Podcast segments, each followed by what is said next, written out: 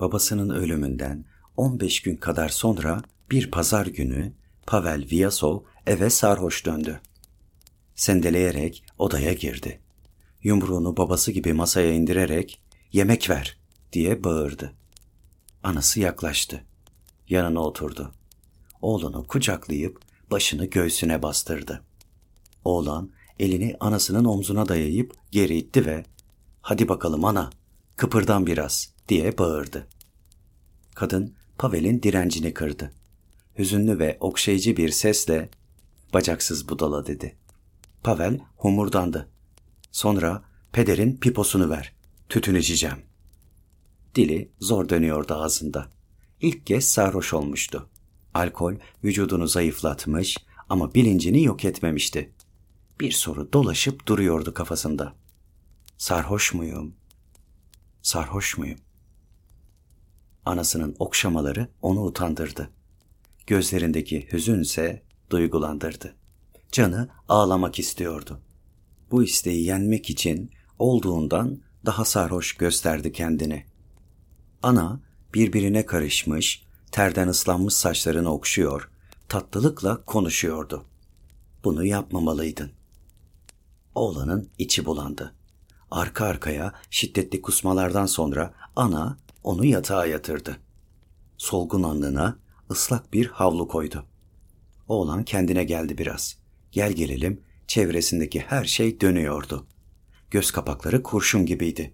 Ağzında tiksindirici ve acı bir tat vardı.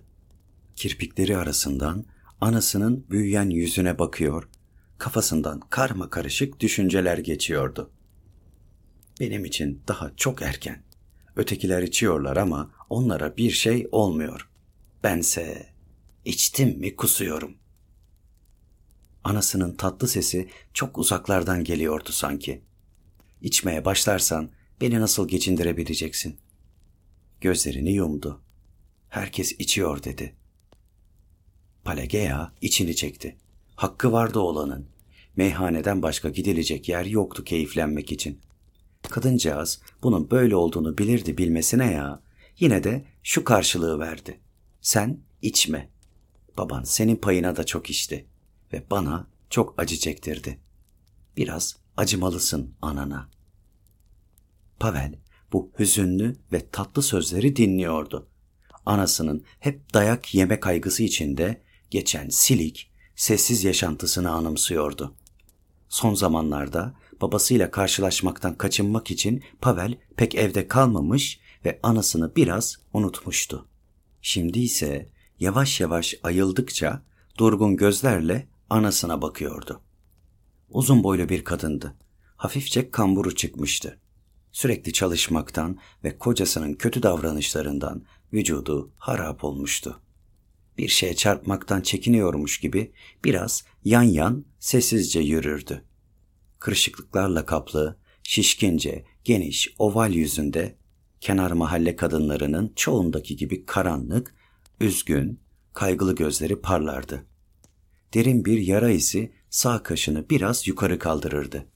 Sağ kulağı da öbüründen daha yüksekmiş gibi dururdu. Kaygıyla kulak kabartıyormuş gibi bir hali vardı hep. Gür siyah saçlarında tutam tutam ak saçlar ilk bakışta keskin bir karşıtlık yaratırdı. Tepeden tırnağa tatlılık ve hüzünlü bir tevekkül okunurdu bu kadında. Gözyaşları ağır ağır yanaklarından aşağıya süzülüyordu. Oğlu yumuşak bir sesle ağlama dedi. Bana su ver. Sana buzlu su getireyim. Gel gelelim dönünceye dek oğlan çoktan sızıp kalmıştı bile. Ana oğlunun başucunda bir an hareketsiz durdu. Testiyi tutan eli titriyor, buz parçası testinin çeperlerine çarparak hafif bir tıkırtı çıkarıyordu. Ana su kabını masanın üzerine bıraktı. Kutsal tasvirlerin önüne sessizce diz çöktü. Dışarıda yükselen sarhoş naraları pencere camlarını zangırdatıyordu. Sisli sonbahar gecesinin karanlığında bir akordeon sesi yükseliyordu. Birisi şarkı söylüyordu çığlık çığlığa. Bir başkası iğrenç küfürler savuruyordu. Kaygılı, kızgın ve yorgun kadın sesleri geliyordu. Vlasovların küçük evinde yaşam eskisinden daha durgun, daha sessiz ve öteki evlerdekinden biraz farklı biçimde sürüp gitti. Vlasovların evi ana caddenin ucunda bir bataklıkta son bulan kısa ama dik bir yokuşun yakınında bulunuyordu. İnce bir bölmeyle ayrılmış ufak bir oda ve mutfak evin üçte birini kaplıyordu. Ana bu odada yatardı. Geri kalan bölümü iki pencereli, dört köşe bir odadan ibaretti. Bir köşede Pavel'in yatağı, öbür köşede bir masayla iki sedir vardı. Birkaç sandalye, bir çamaşır dolabı, dolabın üzerinde ufak bir ayna, giysilerin korunduğu bir sandık, duvarda bir saat ve bir köşede iki ikon evin eşyasını tamamlamaktaydı. Pavel bir delikanlıya yakışan her şeyi yaptı. Bir akordeon, bir gömlek, kolalı bir göğüslük, göz alıcı bir kravat, lastik çizmeler, bir baston satın aldı. Tıpatıp yaşıtlarına benzedi. Akşamları eğlenmeye giderdi. Kadril ve polka öğrendi. Pazarları adam akıllı içtikten sonra dönerdi eve ama bir türlü vodkaya alışamıyordu. Ertesi gün başı ağrıyor, midesi yanıyor, bitkin ve bensiz soluk oluyordu. Bir gün anası sordu. Nasıl? Dün akşam iyi eğlendin mi? Oğlan sinirli sinirli karşılık verdi. Sıkıntıdan patladım. Balık avına gitsem daha iyi olacak. Ya da kendime bir tüfek satın alırım belki.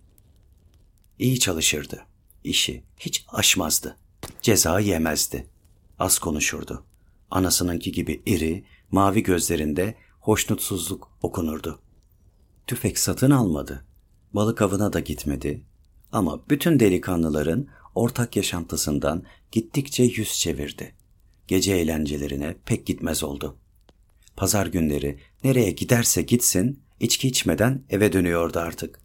Gözünden hiçbir şey kaçmayan ana oğlunun süzüldüğünü, bakışının daha ciddileştiğini ve dudaklarına garip, sert bir çizginin yerleştiğini görüyordu. Sessiz bir öfkeyle doluydu sanki ya da bir hastalık kemiriyordu onu için için. Önceleri arkadaşları onu görmeye gelirlerdi. Ama şimdi onu hiç evde bulamadıklarından artık uğramıyorlardı. Ana, Pavel'in fabrikada çalışan gençlere artık öykünmediğini sevinçle görmekteydi. Ama herkes gibi yaşamamakta ayak dirediğini fark edince gizli bir tehlike sezer gibi oldu. Pavel, yavrum iyi değil misin diye sorardı bazen. Yo iyiyim diye karşılık verirdi oğlan. Ana içini çekerdi. Ne kadar zayıfsın. Pavel eve kitaplar getirmeye başladı. Gizliden gizliye okuyor, sonra bir yere saklıyordu. Bazen kitaptan bir pasaj kopya ediyordu bir kağıda. Kağıdı da saklıyordu. Birbirlerini pek göremiyorlar, az konuşuyorlardı. Sabahları tek söz söylemeksizin çayını içer, işine giderdi. Öğleyin yemeğe gelirdi. Sofrada havadan sudan birkaç laf ederlerdi. Sonra akşama dek yine yok olurdu ortadan. Akşam işten dönünce özene bezene yıkanır, çorbasını içer, sonra oturup kitaplarını okurdu uzun uzun. Pazar günleri sabahtan çıkıp gider, gece geç saatte dönerdi. Pelageya kente tiyatroya gittiğini biliyordu. Ama kentten kimse gelmezdi onu görmeye. Gün geçtikçe oğlunun daha az konuşkan olduğunu düşünüyor, ara sıra anlamadığı bir takım yeni sözcükler kullandığını da fark ediyordu. Üstelik eskiden her zaman söylediği terbiyesizce, kaba sözler artık çıkmıyordu ağzından. Davranışlarında ananın dikkatini çeken yeni ayrıntılar göze çarpıyordu. Örneğin züppelik etmekten vazgeçmişti. Bedenini ve giysilerini temiz tutmaya daha çok özen gösteriyordu. Sonra yürüyüşü daha serbest, daha rahat, dış görünüşü daha yalın, daha yumuşak oldu. Bütün bunlar anasını kaygılandırıyordu. Ona karşı davranışında da değişiklik vardı. Bazen odasını süpürüyor, pazarları yatağını kendisi düzeltiyor. Genel olarak anasının işini hafifletmeye çalışıyordu. Mahallede hiç kimse böyle davranmazdı. Bir gün eve bir tablo getirip duvara astı. Resim birbiriyle konuşa konuşa yürüyen üç kişiyi canlandırıyordu. Pavel konuyu şöyle açıkladı. Dirildikten sonra Emaus'a giden İsa'nın tasviri bu. Pelageya tabloyu beğendi. Şöyle düşündü. İsa'yı sayarsın ama kiliseye gitmezsin. Pavel'in bir marangoz arkadaşı güzel bir raf yapmıştı ona. Rafın üzerindeki kitaplar gün geçtikçe çoğalıyordu. O da hoş bir görünüşe bürünüyordu. Pavel, Pelageya'ya ana diyor, siz diye hitap ediyordu. Ama bazen sevgi ve sevecenlik belirten sözcükler de kullanıyordu. Bu akşam geç döneceğim anne merak etmeyesin. Pelageya bu sözler altında önemli ve ciddi bir şeyler gizli olduğunu seziyor ve bu onun hoşuna gidiyordu. Ama kaygısı artıyor, geçip giden günler onu yatıştırmıyordu. Olağanüstü bir şeyin ön sezisi kemiriyordu içini. Zaman oluyor, oğluna karşı hoşnutsuzluk duyuyordu. İnsan erkek gibi yaşar diye düşünüyordu. Bu ise keşişe benziyor. Fazla ağır başlı. Bu yaşta olmaz bu. Sonra kendi kendine acaba bir sevgilisi mi var diye düşünüyordu. İyi ama kızlarla ilişki kurmak için para gerek. Oysa Pavel hemen tüm kazancını anasına bırakırdı. Böylece haftalar, aylar, yıllar geçti. İki yıl. İki yıl sürdü bu sessiz, bu düşüncelerle ve gittikçe artan belirsiz korkularla dolu garip yaşantı.